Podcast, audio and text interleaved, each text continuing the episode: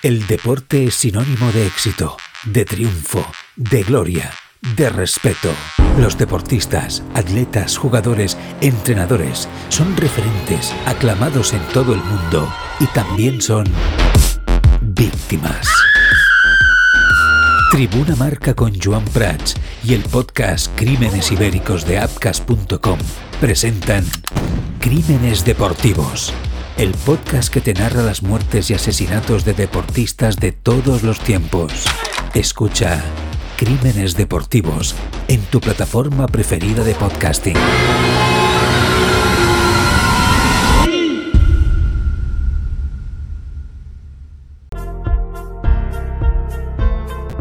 Tarda i benvinguts al Tribuna, un programa que fem damunt d'una bicicleta mentre xutem una pilota per marcar gol, avançant a la corba a 230 km per hora, amb la mà dreta llançant un tir triple, amb l'esquerra esmaixant amb la raqueta, i tot mentre nedem als 200 metres papallona.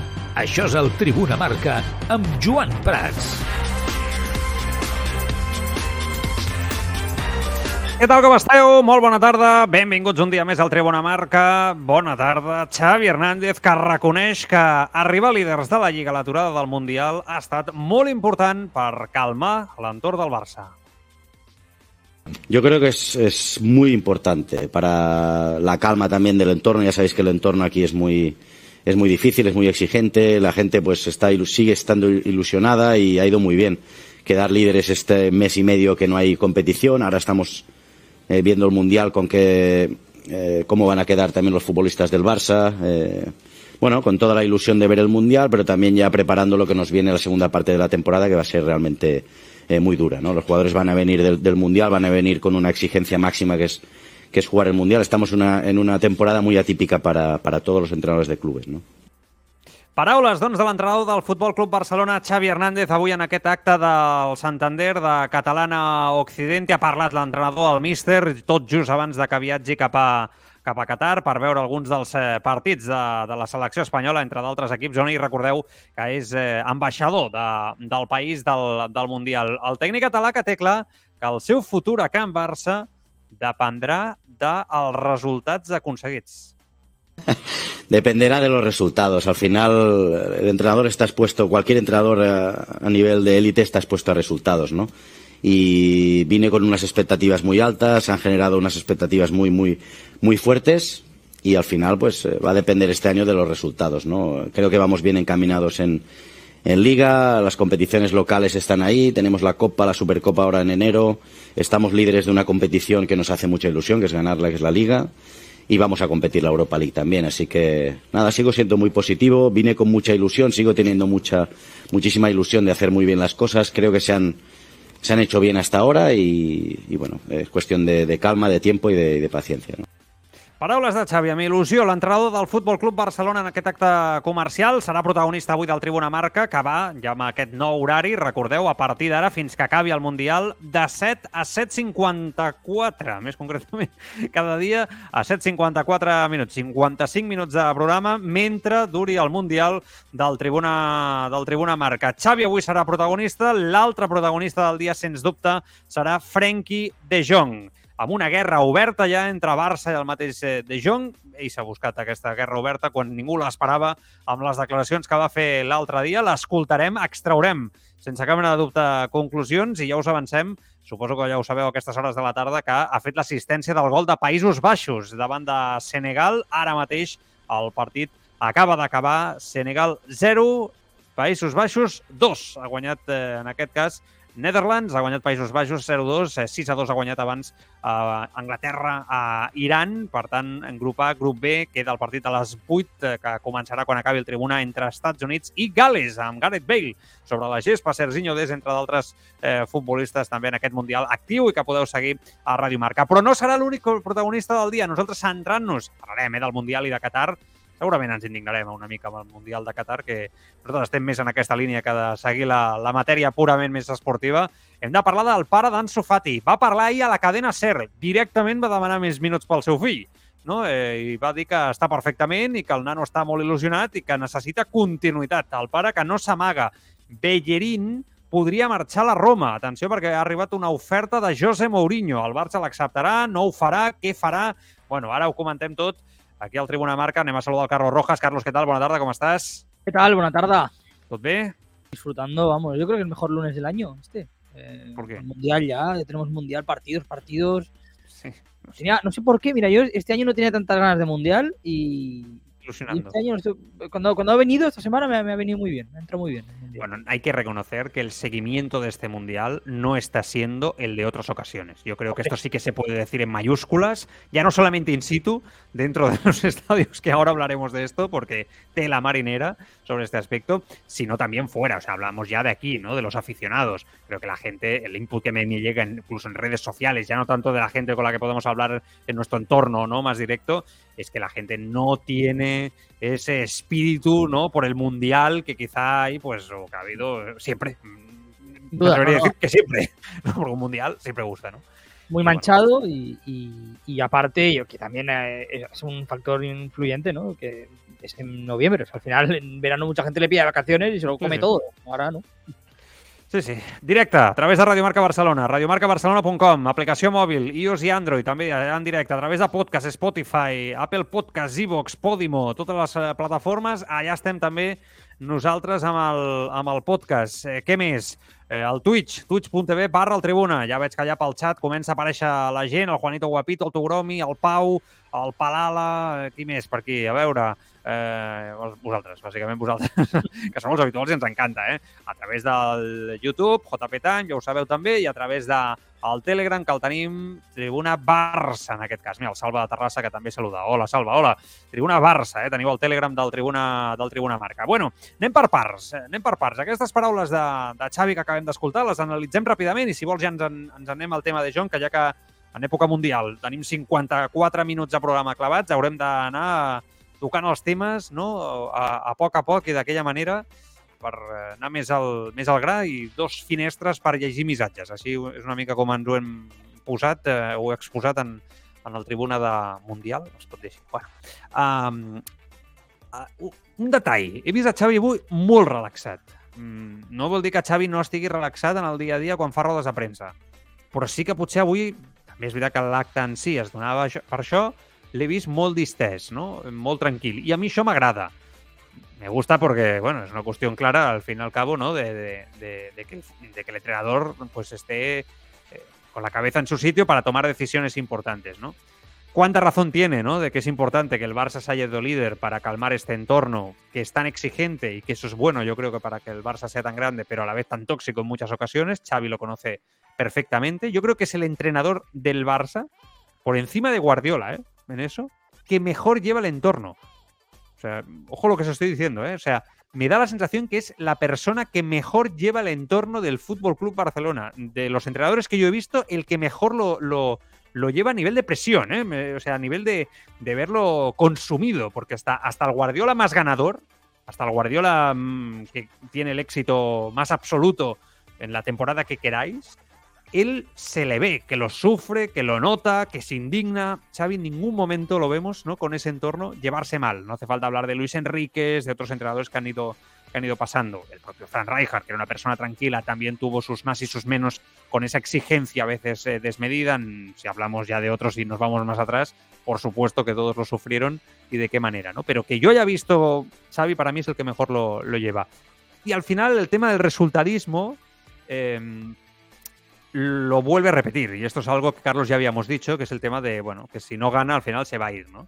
Y yo con eso no estoy tan de acuerdo. O sea, quiero decir, entiendo lo que quiere decir Xavi y yo estoy seguro que Xavi, antes de la pequeña crisis por las derrotas ante Madrid, eliminación de Champions, etcétera, quizás su mensaje era un poco más a largo plazo, ¿verdad? De construir un proyecto más allá de que si este año se acababa sin ganar, que es algo que evidentemente en el Barça no tiene que pasar, pero que también debemos entender las circunstancias en las que nos encontramos a nivel de club, ¿no? Y desde ese momento, no sé si por las críticas que recibió, si por que escuchó a más menos, se cabreó internamente por algunas filtraciones, no sé, pero su discurso ya es, si no gano me largo, si no gano me echan. Y bueno, parecía que podía ser una declaración fruto de ese momento malo, la crisis donde te vas fuera y pierdes contra el Madrid, pero ya mes, un mes y pico después, con el parón y en calma, dice lo mismo. Por lo tanto, si no gano me voy. Todo Bueno, vendido a la liga, porque yo creo que en este discurso no entra la Europa League. Pero tú lo has dicho muy bien, él conoce el entorno del Barça como nadie, ¿no? Y seguramente ahora, pues, el momento de. Seguramente ya no solo por el Mundial, ¿eh? Sino por cómo ha dejado el equipo eh, la temporada antes del parón, ¿no? Mm, en una buena posición en Liga, con más calma, ¿no? Seguramente ya eh, la marejada de la eliminación de Champions ya ha quedado un poco más disuelta. Eh, yo creo que Xavi está tranquilo en ese sentido, ¿no? Las cosas están un poco, un poco diría, bajo su control. Se siente cómodo en ese, en ese aspecto, pero él sabe dónde está. Yo creo que él, al igual que es entrenador del Barça, es aficionado del Barça. Y él, seguramente, si él no estuviera en el banquillo y estuviera otra persona, querría que el Barça ganara y exigiría que el Barça gane. Por tanto, conoce el sentir del culé. Sí. Yo creo que Xavi tampoco, eh, bueno, hay que decir, que no es en este caso ingenuo, ¿no? Él sabe que eh, hay mucho aficionado del Barça descontento o que está muy condicionado por esa eliminación en Champions. Es decir, no es lo mismo no ganar la Liga y caer en cuartos de Champions o en semis de Champions que no ganar la Liga y no ganar nada y que te hayan echado de Champions en octubre. Yo creo que Mm. Xavi lo sabe y por tanto entiendo que él maneja un poco el escenario de que el aficionado del Barça pueda estar descontento si no se gana un, un título. A partir de aquí hay muchos condicionantes. Es que no es lo mismo perder la liga en la jornada 38 a una temporada a muchos puntos Claro. que perderla estando a 10 puntos, que el equipo Como la pierde el Liverpool, por ejemplo. Si el Barça pierde la liga como la pierde el Liverpool, yo creo que al culé, aunque se cabrea, para nada eh, ese equipo hay que aplaudirlo, ¿no? Porque lucha hasta el final, la última jornada, y hay un rival que es mejor, ¿no? En este caso era el City, podría ser ahora el Madrid. Pero también te digo una cosa, te voy a cambiar, te voy a rizar el rizo, ya sabes que a mí me gusta mucho esto de rizar el rizo, y vamos a complicar la, la pregunta un poquito. Entre comillas, ¿eh? porque también nuestro nivel damos pa- llegamos para donde. Llegamos. no va, serios.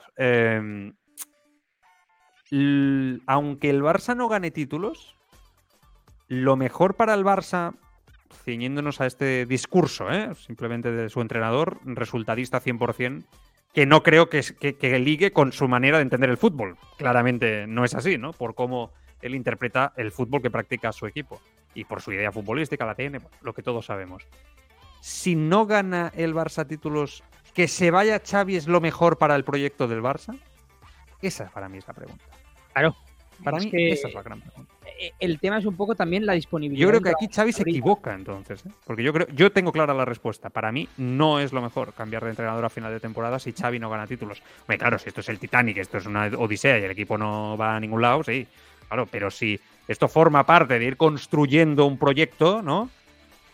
Ponemos como ejemplo a Arsenal de Arteta, ¿no? Que el año pasado se desinfla al final y, y este año empieza otra vez, ya estamos aquí, el Arsenal de Arteta y ahora va como un tiro, ¿no? El líder de la Premier y disfrutando todos ahí contentos. Bueno, pues a veces los proyectos necesitan ese tiempo, ¿no? No sé. Estoy de acuerdo contigo, pero Volver a empezar de cero. Claro, pero es que insisto, yo lo va a marcar mucho el, el cómo. Está claro para mí que, que hay un asterisco. Yo insisto, entiendo que hay mucha gente que no le gusta hablar del tema, pero es que es un asterisco importante que es que te echen en Champions en, octubre. Eso para mí condiciona la temporada. No en el día a día, porque creo que el Barça se ha, re- se ha rehecho de eso y se ha recompuesto y creo que, que tiene otra vez una temporada por delante. El propio Xavi lo decía, estamos a tres títulos. Es una forma de verlo y una forma de afrontarlo y me parece la, la idónea. Ahora bien, La más optimista. Exacto, pero si luego en mayo ganas títulos, pues yo creo que habrá sido fruto, ¿no? De saber rehacerte, de saber reencontrarte y de mm, aprender de tus errores. Y a partir de aquí, bien. O si la pierdes, pero bueno, es una temporada no apretada, como tú dices, como Liverpool la pasada temporada, pues yo creo que la gente entendería, ¿no? Que el, que el equipo ha ido creciendo y que ha tenido un proceso y que le falta un puntito de nada, ¿no? Para llegar a, a campeonar. Pero, No sé, evidentemente, si el equipo baja el nivel y No entran. sé. Para ponernos en situación, si el Barça acaba yo la temporada. creo que falta mucha paciencia, ¿eh, Carlos? Si el Barça acaba la temporada como el curso pasado, Joan, yo creo que Xavi no podría seguir como entrenador del Barça. Como el curso pasado, no. Claro. Pero es que yo no contemplo que eso pase. Entonces, si el Barça acaba eh, en la línea actual, crecimiento, viendo brotes verdes, ¿no? Partidos que te cuesta más, crecimiento de Sí. jugadores muy jóvenes, etcétera. Yo creo que, vamos, eh, estamos haciendo fútbol ficción, ¿no? Pero porque no sabemos lo que va a pasar en los próximos 6-7 meses. Pero yo, por supuesto, creo que lo peor que le podría ir al Barça sería. Tú imagínate la hecatombe otra vez. De verdad, es que, es que se acaban las opciones ya. O sea, un club que lleva los años que lleva, que estamos sufriendo, ¿no? Como estamos sufriendo. Tú imagínate que a final de temporada, con resultadismo en mano, como ha dicho su entrenador, ¿eh? este debate lo ha puesto hoy en, esta, en este acto publicitario el propio Xavi, ¿eh? encima de la mesa, no somos nosotros. Si coge y cambias, coges y cambias de entrenador, ¿a quién traes? O sea, es que inicias de nuevo un proyecto de cero, de cero. Y por el camino fracasas en el reencuentro con tu esencia más pura como club, ¿no? En la recuperación de aquello que la anterior junta directiva fracasó estrepitosamente, alejándose como modelo ya no solo de juego, sino también de club. Por lo tanto, es que detrás hay un solar, ¿eh? Pero un solar, pero, pero de dimensiones bíblicas, porque hace mucho frío ¿eh? detrás de esto. Entonces, yo creo que Xavi se, se quita presión él mismo, ¿no? Con ese discurso. Pero, no, no es fácil, ¿eh? Después de Xavi, eh, ¿qué traes? ¿A un Arteta? Eso es lo que te voy a decir. O sea, eh, eh, yo, mira, este, este discurso que tú comentas lo escuchaba mucho en Madrid con, con Zidane. Decían, bueno, quizás no es el mejor entrenador, ¿no? Pero ¿a quién traes si no? Pero es diferente, Carlos, porque venías de ganar. Bueno, Siempre venías de ganar. Vale, sí, pero, pero yo creo que el Barça ahora mismo, antes, hace un año, no tenía los mimbres para volver a ganar. Ahora yo creo que ya ha construido una plantilla para ganar pero, pero mañana te viene Jürgen Klopp y todos esos mimbres que tú has puesto a nivel identificativo de un estilo de juego se caen por el. ¿no? Los tiras por la borda. Por ejemplo, Eric García, un hombre que está cogiendo galones, etcétera. Con Jürgen Klopp no sería titular. Es evidente. No, no, pero, pero es que Jürgen Klopp, o sea, yo no creo que el Barça fuera por Jürgen Klopp. Aquí el tema es saber creo que quién traes, ¿no? Seguramente. Yo, creo que sí. perfil Joaquim Lowe, ¿no? Un perfil más parecido. ¿Sabes por qué te lo digo esto? Porque conozco el entorno del, Barça. Es, canibalístico. Si el Barça llega a una situación donde Xavi se va, Carlos, mm, la psicosis va a ser de tal magnitud, o sería de tal magnitud, estamos especulando ¿eh? por las palabras de Xavi, ¿eh? que se nos entienda, pero que, la presión va a ser tan fuerte que el fútbol control, el ADN Barça, el juego posicional, estará en una crisis tan grave de credibilidad que a los dirigentes la presión yo creo que les sería insoportable. O sea, irían a buscar otro perfil. Porque esto lo hemos visto muchas veces en Can Barça. Me costaría mucho que apostaran por la continuidad. Con otro presidente te lo compraría, lo que acabas de decir, pero no con Laporta. O sea, me sorprendería mucho Laporta, porque Laporta en, ¿eh? en otros momentos ha visto que la idea, o, se ha podido ver en esa tesitura en la que la idea está desgastada, te hablo del año Rijkaard, ¿no? Y decir... aguanta un año, ¿eh? Cambiamos siguiente ya estás ahí, ¿eh? Como hizo en su... Como contempló, pero dijo no, voy con Guardiola. insisto, yo no creo que la porta, y más con todo el esfuerzo que ha habido, y, escuchándolo el otro día, lo escuchamos la semana pasada, ¿no? Tenía clarísimo a la hora de decirlo. No creo que la porta hiciera ese quiebro en cuanto a la. Yo, creo que la porta cree realmente en el estilo. Por supuesto. pero la presión es muy. Yo hablo de la presión, de que tú puedes creer mucho, pero que cuando estás ahí en el cargo. la presión lo ha tenido antes. La presión lo ha tenido antes, Joan, y ha apostado por el estilo. Yo le daría ese, ese beneficio a la duda bueno, más que duda, no, yo confiaría en Carlos, No, no, te quiero contradecir, ¿eh? porque este es un debate, pero cuando escoge a Guardiola, mm, lleva dos años sin ganar, pero Rijkaard ha, ganado Champions, ¿eh? ha ganado ligas. Quiero decir, que es que ahora la porta, si este año no gana, vendrá de dos años sin, eh, sin ganar mm, y con una situación habiendo tomado decisiones que para gente las entiende perfectamente, pero para otra gente de la masa social son una sentencia, es un disparo al corazón ¿no? del patrimonio, de, Entonces hay que ir con ojo ¿eh? con esto. Eh, yo creo que la presión que la Porta puede tener a finales de, este año, si no se ganan títulos, puede ser mucho mayor de la que haya tenido jamás como presidente del Fútbol Club Barcelona. Otra cosa es que el aguante, eso ya es, no sé, hay que ver, ¿no? Insisto, estamos haciendo fútbol ficción del futuro en base a estas palabras. Para rematarlo, yo solamente diré una cosa, que a mí me gustaría, sinceramente, que Xavi dejara al lado sobre su futuro este discurso resultadista. Pero a mí me, explota la cabeza. O sea, yo ficho, yo no, yo no ficho, eh, entiendo, entenderme. ¿eh? O sea, cuando yo entiendo que el, el, Barça va por Xavi es porque vas a hacer un proyecto a largo plazo, recuperar la esencia por lo que él representa y, y vas a intentar tener proyecto deportivo. Por lo tanto, el resultadismo Evidentemente esto va de ganar, de acabar ganando, pero con un cómo, con un camino. Y ese discurso Xavi lo tiene aprendido en rueda de prensa, pero por, insisto, al fin y al cabo, lo que me cuesta entender es que si ya no se gana el primer año, porque este prácticamente sería el primer año, porque el año pasado el equipo no se aguantaba por ningún lado, ¿no? Si esto tú te vas, ¿no? O te echan simplemente por el resultadismo puro, a mí me explota la cabeza porque tú no fichabas al entrenador con esa idea, ni, entiendo que cuando fichas a ese entrenador lo fichas pensando que el entrenador va a responder a, ese resultadismo, sino que te va a pedir el tiempo. Ahí lo dejo. Sí, y, pero. Y lo veo que está muy obsesionado con el tema del resultadismo para medir su futuro. Y esto no me gusta. ¿Pero crees que, es una cosa de Xavi o crees que es un mensaje que le han recordado? No, no, es que, no, no, sinceramente, si te digo lo que, lo que pienso, y, no es información, sino que es una sensación, yo creo que es una sensación que se construye en base a lo que ha ido pasando, es que me da la sensación que, que, Xavi no pensaba así hace un mes y medio, pero en base a las filtraciones que hubo, cuando el club filtraba y filtró alguna cosita ahí fea y tal, es que él, ostras, eh, mm, ¿no? Él acabó ahí cambiando un poco, no sé, por decirlo del punto de vista, y entonces dijo, bueno, oye, pues vamos a resultados, vamos a resultados. Si a la primera de cambio ya estoy en la calle, ¿no? Y hay quien, hay quien me cuestiona, pues, oye, me preguntan por mi futuro, pues si gano me quedo y si pierdo me voy, ya está. Creo, ¿eh? Que va por ahí el tema. Los amantes del ciclismo ya tenéis vuestro podcast. Seas globero, amateur o profesional, apúntate a la grupeta de Escapa Podcast. La actualidad de la semana, las competiciones, ciclistas destacados, equipos. Escapa Podcast, con entrevistas, debate, la información técnica y las novedades del mercado de la bici gracias a la tienda líder de ciclismo. Escapa. Ponte el maillot con nosotros. Escapa Podcast en las principales plataformas de podcasting puede ser que vaya, que vaya por ahí, porque además, además estoy seguro que, que, Xavi tiene en mente la frase de la puerta. No la decía por él, ¿no? Decía yo creo más a la afición del Barça en su momento, porque bueno, Xavi creo que en aquel momento ni estaba, que es la de conmigo perder tendrá consecuencias, ¿no? O no ganar títulos eh, tendrá consecuencias. Yo creo que Xavi sabe que ha palpado bien el ambiente y yo, yo, creo que él sabe que la mayoría de la afición del Barça está con él, de ahí las declaraciones que hizo en su momento, que la gente le hacía así por la calle, con el puño arriba, eh, pero sabe que también que hay una parte que está esperándole o que, o que está muy marcada por lo que ha pasado en la Champions y a día de hoy, como el equipo va líder y se ha rehecho bien de eso, pues no, se siente, no, no se nota tanto ¿no? que, está ahí ese culé, pero a la mm. que el Barça pueda decaer, ¿no? pueda mm, tropezar, pongamos en cuatro partidos, en cinco partidos perder tres y empatar uno, ¿no? Y, tener una mala racha, hay mucha gente que le va a estar esperando. Y yo creo que Xavi lo sabe y por eso lo dice. Bueno, eh, vamos viendo. Xavi, que habla de España. Buenas sensaciones de la España Por personalidad, por idea, por eh, convicción, además de lo que transmite al, al futbolista, es un líder natural. Lo he tenido como, como entrenador, como compañero también estuvimos muchos años en el, en el Barça y auguro un muy buen mundial de España, la verdad. Eh, hay que ser optimista, hay que creer en ese equipo.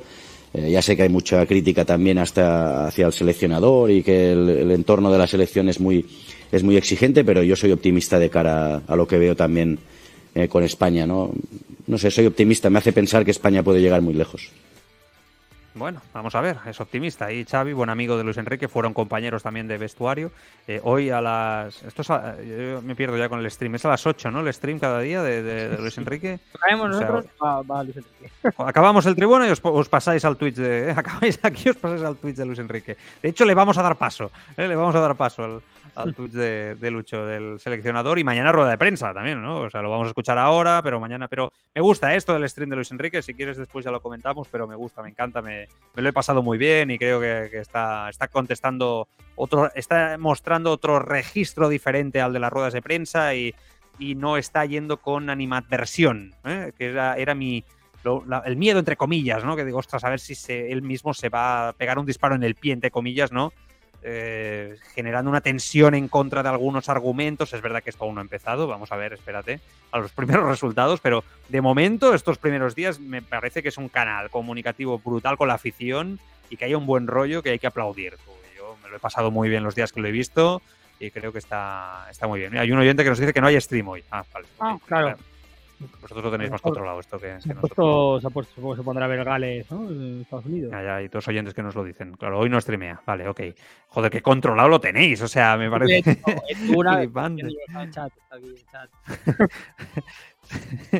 hay un oyente que dice que hay hoy hay otra cosa, ¿eh? Eh, que sale en pantalla también. No, no lo voy a decir en voz alta. ¿eh? Hay, hay otra cosa. Bueno, sí. Hoy, hoy hay otra cosa en futbolísticamente hablando. Bueno, De Jong ¿Qué necesidad tenía De Jong de liar la que ha liado en un mundial, ¿no? lejos del Barça, cuando las cosas estaban ya calmadas en torno a su persona y la semana pasada recuerdo aquí hacer un programa hablando, recordad que eh, se hablaba de que iba a seguir sí o sí, que había una encuesta de Mundo Deportivo, incluso salió en la portada, ¿no? De que el Barça ya no lo iba a poner el mercado en el mercado de invierno, ¿no?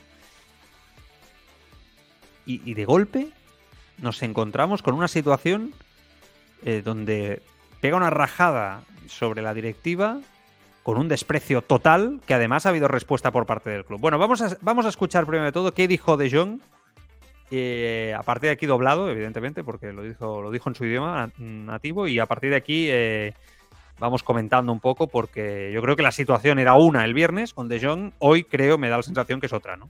Ells que em volien fora del club, però jo no tinc res a veure amb ells.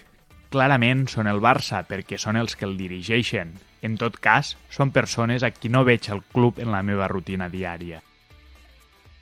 Bueno, estas son las palabras de Laporta y su gente. mm, de- cuando digo su gente, me refiero a su núcleo más cerrado. Mateo Alemán, mm, Jordi Cruyff, ¿no?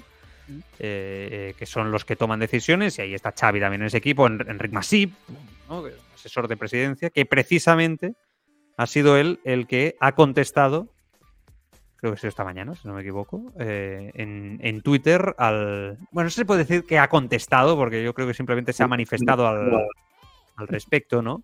Ha hecho un tuit donde dice que puedo decir con conocimiento de causa que la persona del club que más ha defendido la continuidad y, por supuesto, la no venta de Frenkie de Jong ha sido una. Tiene nombre y apellido, Joan Laporta. Nunca se planteó venderlo, nunca, ni con la delicada situación del club. Visca al Barça. Bueno, esto de que dice Enric Masip es como si lo dijera eh, Laporta, porque al final es una de las personas de más confianza y, creo que, que tiene una trascendencia importante. Esta es la respuesta. Esta es la respuesta. Hay más declaraciones eh, de, de Jong, ahora os damos nuestro punto de vista. Habla también de Xavi Hernández, lo excusa un poco de la situación de filtraciones que hubo en verano, ¿no? hablando de su futuro, donde De Jong estaba más expuesto prácticamente que, que La nunca. sensació que Xavi estés en contra meva. De fet, crec que per ell era molt complicat parlar d'això. Als mitjans de comunicació va dir que estava molt content amb mi, però considero que també hi havia una part econòmica. Estava clar que ell no era qui prenia la decisió. Vale, y finalmente dice que está muy bien en Barcelona y que puede estar 8 o 10 años. Añadiría yo que si sigue por este camino, ni uno va a estar. Ben a Barcelona. Quan jugo és genial i en termes de viure també és perfecte. Personalment, em veig aquí a Barcelona per 8 o 10 anys més. Venga, soñar es gratis. Yo- yo- claro, pero también esto es uno de los motivos por los que De Jong no se fue del Barça. ¿eh? Claro, claro, no, no, está claro que el chaval vive de, de maravilla con el sueldo que tiene y la ciudad y tal. Aquí, no, ¿cómo no va a vivir de maravilla, Carlos? Es que, claro, que- que cualquiera. A ver, eh, vamos por partes. Yo entiendo, puedo entender, y ahora te escucho a ti y escuchamos también a los oyentes, que ahora leeremos mensajes un poquito sobre lo que comentábamos antes y sobre este tema de, de Jong.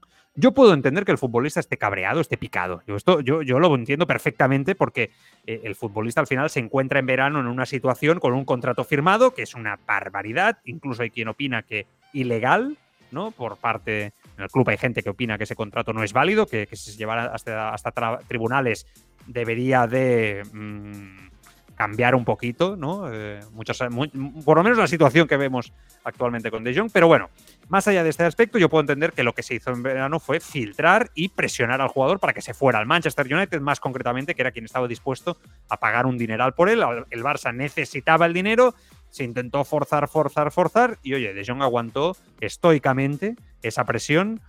Fue feo, fue desagradable, yo creo que fue desagradable para todos, para el propio Laporta, seguro, para, para el propio Xavi, que se encontraba con un jugador que yo creo que le gusta, sin que me dé la sensación que sea un jugador que cumpla con las expectativas que hay puestas en él, ¿eh? por parte de lo que Xavi cree que debe dar. Pero bueno, creo que le gusta y el jugador se hace fuerte y espera. De Jong ya había hablado antes.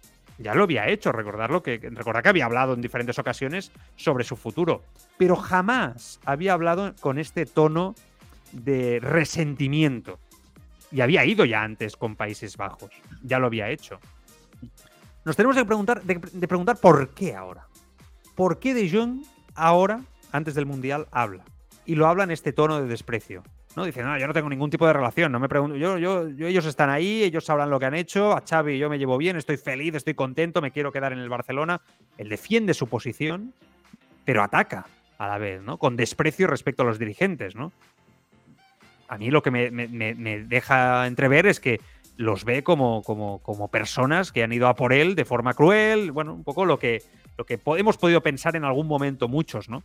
Lo que pasa es que, claro, tú haces estas declaraciones haces, antes de un mundial, cuando el agua baja calmada, donde han salido encuestas donde la gente dice que quiere que te quedes, donde tú, cobrando una pasta desmedida a nivel de contrato, porque esto es así, a nivel de mercado, De Jong cobra mucho más de lo que merece. Justo, se lo han pagado, es un contrato, hay que respetarlo. Mm, legalmente nos tenemos que callar. Moralmente, yo ya lo he dicho muchas veces, estos contratos hubiera estado bien que el club hiciera un esfuerzo, eh, ¿no? Que, perdón, que el jugador hiciera, es él y tantos otros hicieran un esfuerzo por ayudar al club, etcétera. De Jong ha sido de los menos permisivos en este aspecto. Y se ha hablado con él. En ningún momento ha habido esa predisposición por parte del futbolista a rebajar ese contrato, a hablar. En un momento determinado se habló de que el jugador podía tener un pacto con la porta. ¿Qué pacto va a haber con la porta, señores? O sea, después de lo que acabamos de escuchar este fin de semana. esa información es evidente que era falsa, cuando se dijo que la porta y De Jong habían acordado que se iba a rebajar el, el sueldo, etc. Y después está otro tema. Ahora que todo el mundo daba por hecho, después de tres partidos buenos, o sea, no mucho más, ¿eh? Tampoco vamos a exagerar sobre el rendimiento de De Jong. La gente se había ilusionado un poco, ¿no? Con que De Jong pudiera jugar en la posición de medio centro, en pivote, y que por fin explotase. Ahora que todo el mundo daba por hecho, las propias informaciones que salían del club afirmaban que no lo iban a poner en el mercado, él sale y raja. Yo creo que este chico, de verdad, no es consciente de lo más importante aquí. Que es, creo, lo que a él ha olvidado es que él ha decepcionado con su rendimiento sobre el terreno de juego desde el primer día. No ha cumplido con las expectativas puestas futbolísticamente hablando, pero también con el precio que se pagó por él, que fue muchísimo dinero. En ningún momento ha demostrado ser el jugador que el Barça fichó. La presión le ha podido, ha tenido poca capacidad de, adaptación, pocas ganas de adaptarse a algo quizá diferente a lo que se le pide en el Ajax, y que a día de hoy sigue sin cumplir esas expectativas. Aún así, por el que vendrá, Xavi lo defiende, por el estilo, porque es un jugador que se adapta, etcétera, etcétera, la gente piensa que puede llegar a ser. Por eso, por eso aguanta. Pero este jugador, para mí, insisto, lo más grave es que ha olvidado que no está cumpliendo. O sea, alguien le tiene que decir, oye, Frenkie, que está muy bien, ¿eh? que, que, estamos, que cumplas el contrato, te lo tenemos que respetar, etcétera, pero que eh, que has fracasado de momento en el Barça. No, tu posición, que no, no, que has fracasado. O sea, que has fracasado. Es que te veo que no, como que no tocas con los pies en el suelo. Es que ya está bien. O sea, no sé si me lo notáis, pero ya ahora ya me he cabreado ya con este tema. Porque yo lo he ido defendiendo, he ido defendiendo he podido entender su situación. Entiendo que lo que se le hizo en verano no estaba bien, no lo defiendo. Pero tampoco es el que, el que hace un esfuerzo por entender al club. Pero no tengáis ninguna duda, vuelvo a repetir, que si Frenkie de Jong hubiera hecho y hubiera dado un buen rendimiento, hubiera cumplido con el tipo de jugador que se esperaba de él, nadie en verano hubiera perfilado un plan para forzarlo a salir, que insisto, es feo, pero que creo que aquí este jugador me parece que, que nadie le dice las cosas como son y creo que va siendo hora de que alguien lo coja, le coja y le diga, oye, que es que estás fracasando, me callo. Estoy totalmente de acuerdo, porque Después además. se sale con Holanda. Acaba de acabar el partido, por cierto, asistencia de cola. Ha hecho un partidazo. He estado viendo el partido, parece otro. Que me lo expliquen también. Bueno, pero yo creo que por el entorno también ahí influye mucho, ¿no? Mm. Seguramente. eh, hay un, un punto en De Jong que a mí siempre me, me ha llamado la atención y son sus declaraciones. No digo las de hasta, antes de verano, cuando a priori no había problema con él, ¿no? Más allá del futbolístico, del encaje, ¿no? No había ese problema extradeportivo con el contrato, Mm. no se hablaba aquello, de aquello tanto. Y aquí lo hemos ido comentando y siguiendo, ¿no? Siempre en el tribuna, eh, hacía comentarios que no tenían ningún sentido. O sea, cuando lo- él, él estaba jugando un fútbol, por ejemplo, muy ba- de un nivel muy bajo, no estaba nada cómodo, aseguraba que estaba bien, que se encontraba muy bien, muy cómodo, que la posición no era la mejor, ¿no? Yo muchas veces en esos análisis me da la sensación de que había una parte de ego desmedido. Nunca ha sido un jugador chulesco ni prepotente en ese sentido, pero sí que es verdad que en sus análisis no me parecía ni mucho menos objetivo. Evidentemente no lo es porque él es de Jong y habla de De Jong, ¿no? Pero estaba siendo poco autocrítico, ¿no? Podía haber sido mucho más autocrítico y, y parecía que culpaba o que explicaba su mal rendimiento a raíz de que no estaba en su posición o que no se habían hecho bien las cosas en, aquí o allá, pero no, no que él no se sintiera cómodo, ¿no? Él se sentía, de hecho, muy a gusto siempre, siempre y, destacaba mucho su propio, su propio nivel. No sé, a mí eso nunca me ha gustado de Jong, ¿no? Yo entiendo que, que me, las declaraciones que había hecho en septiembre, octubre, donde como que le quitaba hierro al asunto, ¿no? Fue un verano complicado, además me sorprendieron porque no eran la línea de lo que habíamos escuchado en el De Jong de antes, ¿no? No sé si porque estaba cómodo, porque se la estaba guardando. ¿A ti te da la sensación que De Jong es un jugador fácil a nivel de club y vestuario? Porque yo estoy empezando a ver que no lo es. ¿eh? Yo creo que es un buen compañero de equipo De Jong, pero creo Eso que es una cosa. Hablo de club. no, pero para de club y para entrar y para entrenar, yo creo que no lo es, porque hay, aquí hay una cosa básica. Eh, Xavi y De Jong hablan el mismo idioma futbolístico no, y no ha encontrado la copla, no ha encontrado el encaje y no le veo cómodo, no, no le veo una prolongación del entrenador sobre el césped, ¿no? Que hasta ahora yo diría que de los centrocampistas que tiene el Barça, eh, de Jong, podría ser el jugador que más ¿no? se asocia a, en cuanto a prolongación del juego de Xavi. Y no lo ha sido, yo creo que es un futbolista que está ahí, como están otros muchos, ¿no? Que, bueno, que tienen nivel, que pueden rendir más o menos, tienen sus momentos. Yo no discuto su calidad futbolística, me parece un futbolista superlativo y que a priori, para mí, debería encajar en el Barça, por mucho que ahora se diga que su fútbol es más directo de lo que nos, lo que nos pensábamos y demás. Yo creo que partidos como los que hemos visto de Holanda demuestran que no, que tiene ese registro también. Lo único que por H por B, yo no sé si porque no conecta con Xavi, porque no conecta con el Barça como club, que también puede ser, puede estar a gusto en Barcelona. Pero, no es difícil, ¿no? o sea, yo creo que De Jong él realmente encaja muy bien con la filosofía. Con... Pero tú dirías que el Barça es la casa de De Jong. ¿Lo ves en casa a De Jong? Yo no lo veo en casa. Ese es el tema. ¿En casa qué te refieres en casa? Eh, que se sienta cómodo en el Barça, como club, en el entorno, en eh, una persona, un Ter Stegen, ¿no? En ese sentido, un tío que esté inmerso a ver, en el día de una persona que gana tantos millones de euros como gana De Jong en el Barça y que sabe que ningún otro club se lo va a pagar, va a defender su posición económica si, mm, si, no entra en la moralidad, si va simplemente al euro, va a defender su posición más allá, ¿no? De, y va a decir que está muy a gusto, etcétera. Esto que me estás preguntando, Sí, quizá yo no, noto que tenga la implicación. O Gaby lleva dos días en el primer equipo y lo, notas que, está en su sitio, ¿no? ¿A eso te refieres? O Ansu Fati o Pedri. O... Sí, ya, no, no, no. Digas que incluso hasta Ferran Torres lo noto más implicado en ese aspecto, ¿no? A nivel de club. Sí, es que seguramente si De Jong no los ha mandado a tomar por saco es por una situación contractual barra económica. Es que, y por lo bien que se vive en Barcelona. Pero cuando una persona yo es que yo ya lo dije en verano, te acordarás que lo habíamos comentado. Cuando un jugador lo están presionando tanto, feo, desagradable, y al final sabes que no te quieren y te quedas, sospecha. Sospecha, a nivel, a nivel futbolístico, sospecha. Porque aquí hay mucho más. O sea, ya no está tomando decisiones simplemente por desarrollar su carrera en el mejor entorno para triunfar, no. Está tomando decisiones más allá del fútbol. ¿Que es comprensible? Sí, pero tengamos claro que este jugador sobre todo se rige por una situación económica. Tengámoslo claro. Tengámoslo claro y después de estas declaraciones lo dejan del todo claro. De Jong está en el Barça porque quiere estar 8 o 10 años viviendo. Punto. Eh, y vive muy bien y cobra mucha pasta. Ok.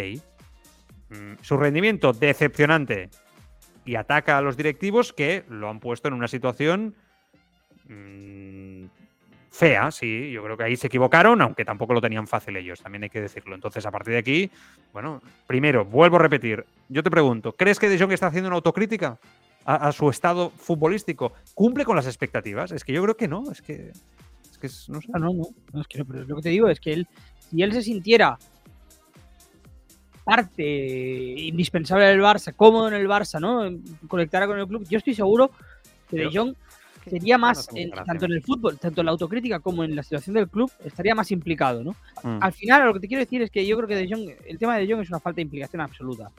En todos los sentidos, futbolística, eh, de club, eh, a la hora de negociar un contrato, si tú estás a muerte con el proyecto, estás a muerte con el club, has entendido lo que es el Barça, yo creo que no hay ningún problema en, haces un esfuerzo como mínimo a negociar yo no sé si si para mucho o menos no pero entiendes la situación de Jong no eh, cuando hay críticas a tu juego para De Jong da igual o sea, es una mm. cosa la gente no tiene criterio no estoy jugando en mi posición y demás eh, yo no veo esa conexión esa implicación de decir ostras pues igual sí estoy haciendo algo mal no igual podríamos mejorar me gustaría jugar aquí y tal pero yo no estoy no estoy en un buen momento lo admito o, no. O sea, yo lo veo desconectado totalmente. tiene su contrato, tiene juega en el Barça. Si, me va bien, bien. Si no, no. No sé. Mm, lo veo descontento en ese sentido. Desencantado más que descontento. ¿Conformado? con lo que tiene. Sí, seguramente, sí, también hay una parte de, de resignación. Esto es un problema porque a mí, a mí esta sensación me está empezando a dar ya con varios jugadores de este vestuario. Y eso yo creo que hay que tenerlo en cuenta. O sea, este equipo yo creo que eh, crece muy bien por parte de algunos futbolistas, jóvenes la mayoría, ¿no? De esta jornada, que yo creo que es el futuro del club y que están muy implicados y se les ve con... Es verdad que ellos también tampoco tienen la presión de, supercontratos que se le hizo en, el pasado por parte de una gestión lamentable ¿no? del anterior presidente y su junta directiva, pero pero es verdad que esta sensación que tengo con De Jong también la tengo con algunos otros futbolistas. ¿eh? Hay que ser justos y, creo que es, peligroso. Voy, con los mensajes, va. Mensajes. Carlitos, Twitch.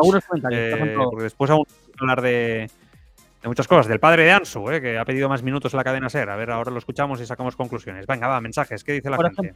por ejemplo, para la 777 decía, esto ya no es entorno, se trata de aficionado que estamos hasta las narices, que, narices que nos tomen el pelo e ir de ridículo en ridículo mientras el presidente, entrenador y jugadores se parten el culo entre cenas y fiestas. Tony Culo 83 decía, Busi es una leyenda del club y todos sabemos que se va a final de temporada, así que no hagamos leña del árbol caído y démosle una despedida a la medida del jugador que es y ha sido. Peter Smack apuntaba, recuerdo que Guardiola en el City el primer año no ganó nada y el segundo año ganó solo la FA Cup. Hay que tener paciencia, pero eso en Barcelona con el entorno tóxico que hay es imposible. Guapi 1977, el discurso de Xavi que nos gusta, nos cuenta unas cosas que en el campo no se ven. Luego, respecto a tu speech ahora sobre De Jong, varios comentarios. Eh, Andrés 661 decía Chapo Joan, no pondría una coma más. O a Sabio Culé, buenas, muy bien explicado Joan. Eh, y luego mucha gente también se mojaba sobre el tema, ¿no? Al respecto, Frenkie lo que está harto es de haber sido una diana de la gestión, apuntaba Dani Kiki. Para las 777 el decía, el tema es de rendimiento y expectativas. Si la directiva y prensa te venden un puma, pues esperas un puma. El problema es que muchas veces es un gato y otras ni eso. Se queda en oreja. Eric... Eh... Eric SJ86 decía, Frenkie de Jong ha jugado en su posición preguntaba, Frenkie de Jong ha jugado en su posición regularmente. En Holanda juega donde tiene que jugar. En Camp Barça ha jugado de todo y de forma irregular. Qué injusto. Por otra parte, Palo Jim 10. Ojalá siga Xavi. Si no, Twitch Enrique, Luis Streamer molaría también. Tenemos entrenador y streamer, dos por uno. Y un par de comentarios más. Gabri BCN decía, pero también es verdad que es uno de los jugadores mejor pagados de la liga, pero él no tiene culpa de que porque Bartomeu es el que hizo ese destrozo al Barça y como ha pasado tiempo ya no se acuerdan de él. Pero bueno, el Barça tenía que habérselo dicho en su cara. Mira, te bajas el sueldo para ayudar el club a club o tendremos que prescindir de ti y ya está. Es que yo creo que esto es lo que hizo el Barça, ¿no? El Barça filtra, que está mal, porque, insisto, es feo, pero filtra, filtra a partir de ahí, ¿no? En ese, en ese momento. Cuando hablan con el jugador y ven que no hay reacción. Más que con el jugador, hablan con el representante. Un poco por la, quizá a lo mejor le molestó a De Jong que fuera un poco por la espalda, ¿no? No, lo sé. Y un par de comentarios. Eh, Juanito Guapito 57 decía, nos están saliendo todos divos y eso no es bueno. Y Eric SJ86 decía, yo haría lo mismo que Frankie de Jong. Si veo que fichan a otros jugadores por cantidades enormes y sueldos altos, no me bajo el sueldo ni de broma. Meucas por todos. Vale. Bueno, gracias a todos por eh, participar. Eh, padre de Ansu Fati, mm, hablando claramente, ¿eh? Fati, mm, en la cadena SER, dejando, por si alguien tenía dudas, ¿no? Eh, clara la situación del jugador, pidiendo protagonismo para su futbolista y dejando claro que el futbolista está feliz, que está bien, que entiende la competencia, oye, narrando una situación de normalidad que Ansu de rodilla no tenía ya no tenía ningún problema. Ansu que estaba era isquio, cayó en Vigo y después se recayó en Bilbao. Ya está. Llevaba temporada pasada, ¿cuántos partidos había jugado? Ocho partidos de temporada pasada. Y este año, desde que ha empezado, en junio, pretemporada primero, en junio empezado, 15 de junio, empezado Ansu a empezar a trabajar. Desde entonces Ansu no ha parado hasta ahora. Yo no veo polémica que dice, no, Ansu no, no arranca así. Entonces, ¿cómo va a arrancar si tú no juegas? Vosotros mismos, porque aquí nosotros estamos acostumbrando. Ansu cuando entra y mete un gol. Entonces, Ansu cuando no mete, cuando no, no, no mete, la gente dice, no, no está bien, no está, no, no, Ansu siempre está, Ansu está feliz, Ansu está muy bien. Y está donde él quiere estar, como en el Barça. Quiere estar, de verdad, te lo digo en serio. Ansu quiere estar y está muy contento. Mira el delantero que tiene el Barça. No estamos hablando de Lewandowski. Eso no, eso es otra galaxia, eso ya otra cosa. No, no, estamos hablando de otra cosa. estamos hablando de extremo de Brasil, titular de Brasil. Estamos hablando de Dembélé, titular de, de Francia. Estamos hablando de Ferran, que es titular de España. Estamos hablando de Memphis Depay, que es titular de País Bajo. Y estamos hablando de Ansu. Ahí tiene que pelearse, tiene que demostrarse, pero también tiene que tener una oportunidad para demostrarlo. Nosotros todavía no conocemos a Ansu, vamos a disfrutar mucho. Yo tengo convencimiento, seguro que Ansu está muy contento, porque Ansu eso que quiere, está donde quiere estar. A ver, vamos por partes. Eh, El padre de Ansu Fati sale mucho últimamente, demasiado. ¿eh? Se parece cada vez más a, a Neymar. Eso ya para, para, para empezar. Y después al final yo creo que en lo que se entiende, porque más o menos se va entendiendo, ¿no? Pero sí que es cierto que, ostras, parece que, ¿no, Carlos? Mm, se queja de cómo va a mejorar si no juega, ¿no? O sea, yo creo que es un poco de las... eh, la sensación que me da este corte, ¿no? Eh, y si lo dice el padre, lo dice el chaval al He final. querido rajar, pero a ver, no es una rajada brutal, No, no. digo, pero es un toquecito, ¿no? Un- Pero tiene razón en lo poquito. que dice para mí. O sea, yo, yo sí que creo que Ansu Fati debería haber tenido más protagonismo en algunos tramos por el rendimiento que ha dado cuando ha salido. Sobre todo porque él habla de Rafinha, Ferran Torres, el titular con España y tal. Sí, ya. O Dembélé, el de Francia, que no es titular. Bueno, parece que va a ser titular por lo de Benzema, pero de momento no es titular con Francia indiscutible. Pero bueno, da igual. Creo que mm, ninguno de esos jugadores es mejor que Ansu Fati. Para mí ahí acaba el debate. Y creo sinceramente que ninguno cuando han jugado por delante de Ansu Fati lo han hecho mejor que Ansu Fati cuando ha salido sin estar en su mejor momento, como reconozco yo y creo que reconocemos todos, ¿no? Ansu Fati. Entonces, creo que tiene parte de razón lo que dice el padre y lo que piensa el chaval, ¿no? Eh, pero insisto, sale demasiado el padre. Mala señal. Sí, yo estoy seguro que la entrevista es buscada, ¿eh? Eh, de- de- del padre de Ansu Fati. Pero bueno, mm, más allá de eso, o sea, es que estoy de acuerdo contigo porque no es una No, no, no, al Barça. No es buscada, Carlos, no. Bueno, No es él el que llama, a eso te refieres, ¿no? Sí, sí. No, no. O sea, yo, yo creo que tenía hace tiempo que tenía ganas de hablar, porque el entorno, o sea, quiero decir, lo, lo que se ha movido en el entorno del Barça, ¿no? Era que, que precisamente el padre, ¿no? Estaba muy descontento, la Mm. familia no estaba muy contento, o sea que más o menos podía parecer previsible, ¿no? Que en algún momento hablara, ¿no? Y que y que hiciera declaraciones. Pero bueno, en cualquier caso, es que yo estoy de acuerdo, yo cuando lo escuchaba, si no fuera el padre Ansu Fati, ¿no? Si fuera alguien normal como nosotros, eh, yo diría que tenía más razón con tanto. El problema es que, a ver, cuando habla el padre, pues eh, elige este momento para hacerlo, ¿no? Y de, aquí, de esta manera, no de forma, insisto, eh, tajante, pero yo creo que sincera, está claro que es porque hay un malestar en la familia de Ansu Fati. Y yo estoy convencido de que Ansu Fati, por las actitudes, por las imágenes que vimos en el banquillo en Mestalla, además, piensa lo mismo, está en esa línea, ¿no? Eh, pero es que yo creo que con razón. Yo creo que con razón. Yo creo que Ansu Fati está bien. El otro día lo vimos en el partido con España un ratito. Es y básico el mundial, ¿eh? Por eso. puede ser un mundial que le cambie la carrera a Ansu Fati. Ya no solo en el Barça, digo en general. Mm, Porque ya sabemos que los mundiales agupan y, destru- y destrozan jugadores. Pero hay que ponerle. Es que lo que, es que lo que dice su padre. Yo al final, si le dieran 5 o 6 partidos a Ansu Fati y no juega bien, entendería que, tu- que estuviera en el banquillo su situación. Pero a Ansu Fati le han dado un partido. Juega bien y al banquillo. Y luego esperas que cuando lo pongas 4 o 5 partidos después te rinda como una superestrella. Yo creo que es injusto. Era injusto. Sí, es que es muy difícil, ¿no? Hacerlo así, sobre todo en un momento eh, eh, como el que está viviendo el futbolista, ¿no? Donde ha salido de lesiones, donde ha sufrido. eh, Este tipo de circunstancias ha- hace, ¿no? Que, que- sea el doble de complicado, ¿verdad? No sé, es complicado, ¿eh? Al final, yo si no hay cosa que desee más de este mundial que es que Ansu le vayan bien las cosas, sea protagonista y, y el Barça recupere al futbolista. Ahora, también es verdad que si Ansu ahora juega con España, es protagonista, marca, recupera su mejor versión, llega al Barça y no juega, yo creo que esto generará un problema muy complicado ¿eh? con el futbolista, porque eh, el entorno del jugador cree que merece más. Y esto.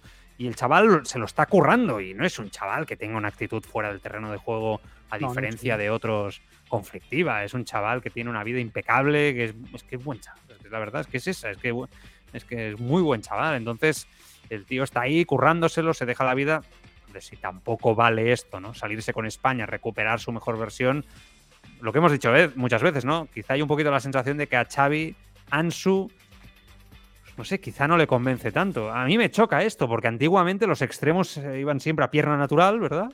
Y, y porque intentaban, pues precisamente el fútbol era otro, ¿no? En fútbol abierto, encarar el uno contra uno. Ahora se, se busca mucho más la combinación y atacar el espacio. Y para eso, a pierna cambiada, los, son los extremos que hoy en día funcionan más en los equipos ofensivos y que son protagonistas con el balón. Ansu tiene eso de sobras, Carlos. Es que es perfecto para jugar en la izquierda. Además, se va para adentro y libera el carril para Valde o para Jordi Alba, el que quieras. Lo tiene todo para jugar al estilo. Y a mí me da mucho más que el Rafinha de turno, que el Ferran Torres de turno, que Dembélé, por supuesto. no sé, no sé.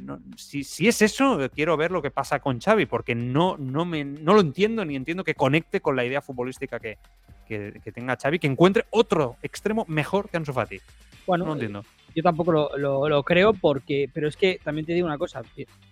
Pese que creo que tienes razón, mm, pienso que Ansu Fati no, no entra en la idea de extremo que estamos viendo de Xavi. O sea, Ansu Fati es mejor que los otros extremos del Barça. Yo, yo creo que sí pero Fati no es un extremo que abra campo, es un extremo precisamente mucho más moderno en ese sentido, ¿no? Totalmente, claro. Prioriza mucho más el juego y Xavi, por lo que sea, no, no, está apostando tanto por esa, por esa idea en cuanto a extremo. A lo mejor mm. en otro rol de segundo punta o de, o de delantero le gustaría más, pero cuando ha jugado de, de, de extremo, Ansu Fati ha jugado bien, pero Xavi no le ha puesto de manera sostenida. Por tanto, entiendo que por mucho que juegue bien, si no le pone, es porque no se adapta al rol que quiere en, el equipo Xavi. Pero se adapta a Dembélé, que es, es, la, Dembélé es un mucho más, de mucho más campo abierto, eh, bueno, pero la banda, no, es un, no es un extremo, por ejemplo, que rompa hacia adentro ¿no? y busque la diagonal. Bueno, a veces sí, con el disparo, ¿no? Más que la combinación busca él, pero cuando hace eso. Es que no sé, Dembélé es, es, disruptivo en todo su fútbol, entonces muchas veces desordena, hasta él mismo se desordena el propio equipo. Es que, no sé, me cuesta mucho entender, ya hace meses, entender lo que está pasando con Dembélé y Xavi, sinceramente. Hace años hubiera dicho que era imposible que se entendieran, ¿no? en ese aspecto. Bueno, se pueden entender como una opción, pero a un nivel de dar la vida de esta manera, ¿no? Dar la cara de esta manera como está haciendo Xavi por Dembélé, por delante de otros futbolistas que yo creo que se adaptan mejor, me choca. Hoy se ha abierto una nueva vía de cara al mercado de invierno. Eh, ha llegado en Can una oferta sorprendente de la, de la Roma de Mourinho, que ha llamado al Barça interesándose por Héctor Bellerín. El Barça ya había decidido no renovar su contrato a finales de temporada y parece que en el Barça ven con buenos ojos venderlo en el mercado de invierno y hacer caja con, con él. Recordemos que firmó por un año y el Betis también lo quiere con la carta de libertad. La verdad es que esto de Bellerín es un poco triste, ¿no? Yo, creo que es que no lleva ni, ni tres meses en Can Barça y, y todo el mundo ya da por hecho que no renueva es verdad que ha quedado bastante señalado en alguna foto, ¿no? Es, hay que reconocerlo. Que la sensación un poco en el entorno del Barça es de que no le da, ¿no? Sobre todo defensivamente. Yo creo que ofensivamente sí que es un jugador interesante. Mm. Pero vamos, hasta el punto de que venga la Roma y pague dinero, pues eh, sí, supongo que. Pues sí, supongo que, sería un buen negocio, ¿no? Si fichas a un lateral derecho, porque al final lo que no vas a hacer es, vender al lateral derecho para no firmar a otro lateral derecho, al, que, al que fichaste en verano de urgencia, ¿no? Es claro, es que al final el Bellerín viene no porque guste, porque viene porque es una opción que aparece, ¿no? Ah, barata mm, y que, bueno, yo creo que el Barça piensa, si sale bien, pues bien, si no, pues no perdemos nada. Hmm. No ha salido bien, está claro, porque. Mm, bueno, no ha sido le hemos dado mucho tiempo, ¿no? Vale, no ha sido desastroso, estamos de acuerdo, pero no nos da ni a nadie, no da garantías de que pueda jugar en el partido grande. Bellerín. Por tanto, ya no te sirve prácticamente, porque lo tenías para eso, y si no te sirve para eso, y si encima puedes hacer caja, ¿no? que viene a Roma buscando lateral derecho, yo creo que blanco y en botella leche. Mm. Al Barça le salen los números en ese sentido. Sí, pero a ver a qué lateral derecho encuentras tú en. No, es fácil, ¿eh? En, invierno, ahí en enero. La Roma quiere fichar a Bellerín por el problema que ha habido con Karsdorp, recordemos. Sí, claro, claro, está claro. Asensio ha hablado en el chiringuito sobre ese posible fichaje a final de temporada por el Barça. Parece que ahora lo descarta. No, o sea, yo lo único que pienso es en el Real Madrid, soy feliz ahí, estoy bien, pero en el futuro nunca, nunca sabemos lo que, lo que puede pasar, ojalá pueda estar aquí mucho tiempo. Así contestaba la pregunta lo del Barça cambiando un poco el discurso, ¿no? Después de aquella rueda de prensa, no, aquella entrevista, ¿no? Con Juanma Castaño, con un partidazo de Cope. Yo creo que aquella entrevista me pilló un poco sopetón. Pero siempre acaba diciendo esto del futuro, no sabes lo que puede llegar a pasar, así un poco zen, que, es en plan, vale, ok, tómate así la vida, pero no lo digas, quiero decir, porque ya sabes que te van a pillar por ahí. Y bueno, creo que Marco Asensio está encontrando un poco el mejor momento de los dos últimos años, seguramente, ¿no? Para él. No tengo, ninguna fe en él como jugador. Pero tú no te. No tengo. Es que me parece, sinceramente lo digo, me parece. Iba a decir, iba a ser muy duro, iba a decir la nada como jugador, pero me parece un futbolista muy limitado para algunos contextos. No, o sea, no es un jugador en el que yo pueda construir un proyecto en torno a él o, pueda contar con él, porque sé que en cualquier momento se desconecta y, vuelve cuando quiere, entre comillas, ¿no? Como aquel que dice. Por tanto, no, no me sirve. Vale, pues Messi, hablando yo en rueda de prensa, previa del partido, ha pedido él hablar ante los medios de comunicación. Se siente protagonista, está en un gran momento con Argentina. Está todo, Leo Messi. Un poquito, ¿no? Eh, la edad también eh, te hace ver las cosas de, otra manera y, y, darle importancia a, lo- a los pequeños detalles que, que antes por ahí no, no me daba cuenta, no, lo, no, lo, no le daba importancia. Hoy creo que, que me fijo mucho más en, en todo eso y, y hoy, hoy está por encima el disfrutar a, cualquier cosa. No, es algo hermoso, ¿no? Que, que mucha gente que no es argentina desee que, que Argentina sea campeón en gran parte por mí. La verdad que, que siempre le dije que fui, fui soy un agradecido por el cariño que recibí durante toda mi, mi carrera deportiva, donde me tocó ir, siempre, siempre recibí cariño y esto es una muestra más de eso, ¿no? Y la verdad que, que bueno, que me pone feliz que haya, haya, mu- haya mucha gente que, que desee lo mismo que yo. Joder, el fútbol es fútbol y puede pasar de todo, ¿eh? pero lo veo tan centrado. O sea, lo veo como el Messi del 2011. Que sabías que cuando jugaba Messi el Barça iba a ganar sí o sí. O sea, que es que una mm, convicción en lo que hay que alucinante, ¿no? Y lo veo ahora mismo en ese, en ese mood, eh, en ese estado, ¿no? Es que, no sé, se me antoja difícil que, Argentina no llegue muy lejos, o sea, que caiga estrepitosamente. Y aparte que el equipo está muy bien construido, pero es que a él lo veo en rollo Michael Jordan, última temporada, Utah ya. O sea, es que lo veo en este mood, ¿eh? Yo creo que Messi no se ha visto en, otra como esta. O sea, creo así de claro. O sea, él tiene un grupo que le adora, ¿no? La selección, que además juega bien, construido por fin, ¿no? Eh, no, no es por individualidad, no es la mejor Argentina en la que ha jugado Messi, pero No, por el de largo. Sí, el mejor bloque, ¿eh? y un entrenador en el que creo que todos creen, vamos, lo tiene, y él está, se ha preparado bien para llegar, creo que se siente muy cómodo, no se ha visto otra igual. Luego el fútbol dicta sentencia, te puedes ir en un, ¿no? un momento u otro, pero ya te lo dije hace meses, yo creo que esta Argentina es un equipo muy difícil de ganar y esto es algo clave en un mundial, pero absolutamente clave, porque a veces no gana el mejor equipo, no gana Claro. el, el- el que no- le cuesta más ganar, cuesta más que le ganen. Jordi Alba dice que Luis Enrique es el mejor entrenador del mundo. Ostras, ¿quién lo ha visto y quién lo ve, eh? hablando de Luis Enrique? Madre que es un entrenador pues muy cercano, que, que bueno, eh, muy exigente, que bueno, para mí ya lo he dicho es el mejor del mundo y eh, la verdad que, que es, un, es un placer tenerlo aquí en la selección. Creo que hemos mejorado mucho en el juego y, y bueno, eh, la verdad que vamos todos en, la misma dirección. Justo la pregunta que pedía Luis Enrique que no le hicieran a los jugadores, ¿no? Hablaran sobre el entrenador que, que está en cada momento. Se la han hecho y ha dicho lo que dijo Luis Enrique que dirían los jugadores, ¿no? Que es el mejor del momento. Bueno, es un topicazo, ¿no?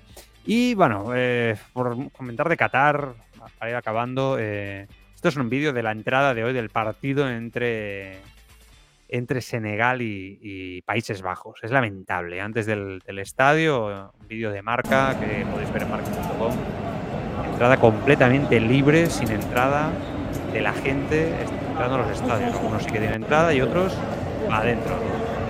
Adelante, que hay que llenar el estadio, que la cosa está complicada y lo que no se puede dar al mundo es una imagen donde no se llenen los, eh, los estadios. Em, Viendo las gradas ahora de, de Gales Sí. Unidos, hay un montón de asientos vacíos. Sí, sí, es que es, es, es muy triste porque, porque está claro que, que este mundial, bueno, es, es un mundial que yo ya os lo he dicho al principio, yo lo estoy cogiendo con cierto desamor, con desazón, es que no sé, es, es- es de indignación, ¿no? Pero eso ha pasado a la indiferencia porque, porque al final yo- nosotros ya que vamos a hacer más desde aquí, ¿no? Pero, pero sí que es verdad que, bueno, ayer las imágenes, ¿no? En Qatar, Ecuador, alguien ahí por ahí que hace el signo del dinero, ¿no? Los de Qatar, y el- los de Qatar lo hacen callar al aficionado también. Unas maneras, un, ambiente que, no es el de los mundiales. Yo, creo que, que no es la primera vez que pasa que un mundial va a un país con una dictadura, con, eh, ¿no? en situación pues, eh, de vulneración de los derechos humanos, etcétera, pero yo creo que yo tengo la sensación que el fútbol está en territorio enemigo. No sé si este titular te vale, ¿no? En general. Sin de la corrupción propia que hay dentro de la FIFA, que eso ya es otro tema. Pero es- yo, yo no, yo no solo el fútbol, yo creo que en general los valores, más, más allá de respetar las culturas, ¿eh? que yo creo que no es el- muchas veces lo utiliza desde Qatar, ¿no? Y los defensores del mundial, que hay algunos, eh, como Infantino, que hay un poco, ¿no? De que es un tema de choque de cultura y de religión incluso. No es nada de eso. Yo creo que al final No, tiene nada que ver. no sé. tiene nada que ver y creo que el maltrato a la gente en general, ya no digo a, incluso a colectivos ¿no? oprimidos, eh, sino a la gente en general es evidente. Y aquí, aquí quiero separar un poco a la gente de Qatar, porque yo, es verdad que las primeras sensaciones de periodistas, compañeros que están allí, ¿no? Dicen Mm. que la gente de Qatar, los que viven, los ciudadanos a pie de calle, son gente muy, muy dulce, muy maja. muy- Bueno, claro, es que El problema, claro, el problema es el, el país, ¿no? El estado de Qatar, eh, lo, lo que representa, ¿no? los que mandan. Sí, sí. Ese es el tema, ¿no? Y acabamos con una noticia eh, sobre Qatar. Budweiser le dará al país ganador del Mundial de Qatar toda la cerveza preparada por el valor, valor de 75 millones de euros. También se espera que la empresa demande a la FIFA por incumplimiento de contrato. Es que esto se veía venir, Carlos. Es que, es que claro, eh, venga, la- me llevo el Mundial allí, tengo como patrocinador una cerveza, una marca de cerveza que es referencia en el mundo lo llevo allí, ellos juegan hasta el último momento, ¿no? Al doble juego para ver si lo van a prohibir o no, lo prohíben al final. Bah, ha pasado lo que tenía que pasar, ¿no? Denuncia al canto y esto va a acabar mal y va a ser una pérdida de dinero enorme para la FIFA, claro, yo creo que. Una más, ¿no? O sea, están quedando mal de cara al aficionado, como por ejemplo con lo de los brazaletes, ¿no? Que hemos visto Mm. que es vergonzoso. Eh, y Bueno, lo esto de los brazaletes, o sea, la FIFA ha acabado amenazando a las federaciones para no, no, no tener el brazalete con el signo del arco iris, ¿no? De, de- de apoyo eh, LGTBI plus y me parece lamentable. O sea, Una es que es, amarilla. eh, eso es- na- Nada más saltar al campo habrían recibido una tarjeta amarilla los jugadores. es que es Yo- todo por la pasta, o sea, todo por Yo- la pasta. Incluso me pregunto si esto es, es- es legal, claro, evidentemente un día para otro no se puede Sí, sí, dirimir, claro. ¿no? Pero Bueno, en su país sí, claro. Esto es un evento de un país, mientras el país le dé legalidad. del fútbol así, o sea, a poner una tarjeta amarilla automática. Es lamentable, es lamentable. Es lamentable. La, la FIFA se le, se, le está, se le está yendo de las manos esto. O sea, esto va a acelerar la Superliga, lo va a acelerar todo, porque cuando acabe este mundial va a haber una sensación de estar en manos de auténticos corruptos incontrolables, ¿no? Sin ningún tipo de valores, pero que no dejan de, de, de llenarse la boca hablando de valores para todo, ¿no?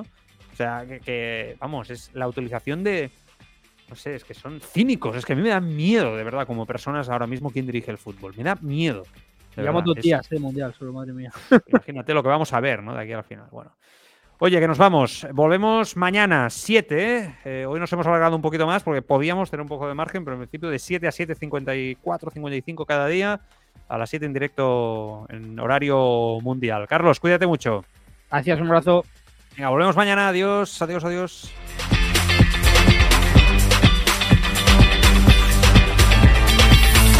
El deporte está lleno de momentos épicos, de grandes rivales, partidos inolvidables, jornadas para la historia y en algunos casos, puntualmente, golpes de efecto que lo cambiaron todo. Abcas presenta un podcast repleto de personas increíbles, de grandes deportistas y de momentos, de situaciones que han pasado a los anales de la historia del deporte. Descubre Golpe de Efecto, un podcast con las grandes historias del deporte y los grandes deportistas. Golpe de Efecto, de Upcast, ya en tu plataforma de podcasting.